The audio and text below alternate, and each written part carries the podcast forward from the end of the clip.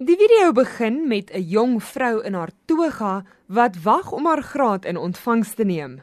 Maar dan sit sy 'n donker bril op, gooi die toga van een van haar skouers af en loop soos 'n model oor die verhoog. En diegene wat die graadeplegtigheid bywoon, reageer so.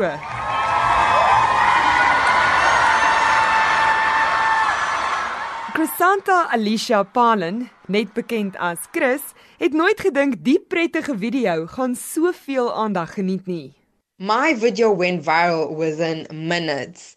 I posted that video on my Facebook page straight after the graduation was over. And I also shared it on WhatsApp, you know, with my friends and my family. And I went out for lunch with my mom. And I came back home and I was just getting messages and notifications telling me that I'm trending, I'm going viral. And it was just so overwhelming because I didn't know so many people could be happy for me, like genuinely happy for me. It was kind of emotional for me. I was so happy, like it was it was just love, pure love. Sy het haar honeurs in media en kulturele studies verwerf. I came to do my honors degree in media and cultural studies at the very last minute actually. I was very indecisive about what I wanted to do with my life at that point. I wanted to work but I couldn't find a job. So I said to myself, let me just study further.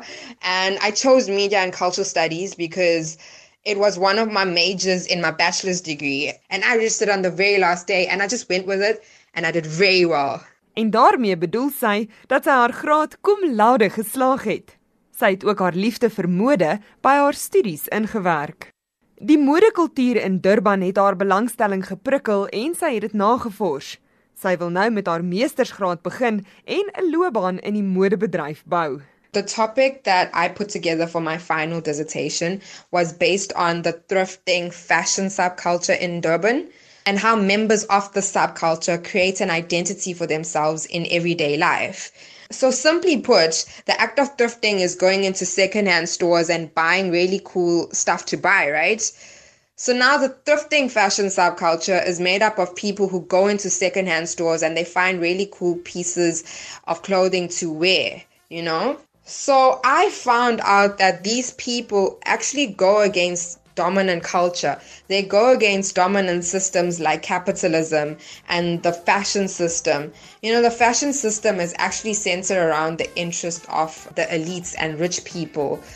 So now these people of the thrifting fashion subculture, they go against all of that. They dig through tons of piles of clothing to create their own styles, to create what they like and at very affordable prices. And yeah, I'm definitely going to expand on this topic in my thesis. So yeah, I'm actually very excited. Hey. Sy sê as sy op die maat van musiek haar graad in ontvangs kon neem, sou sy dit op die treffer van Diana Ross wou doen. Ek is Henry Wondergem vir SAK nuus.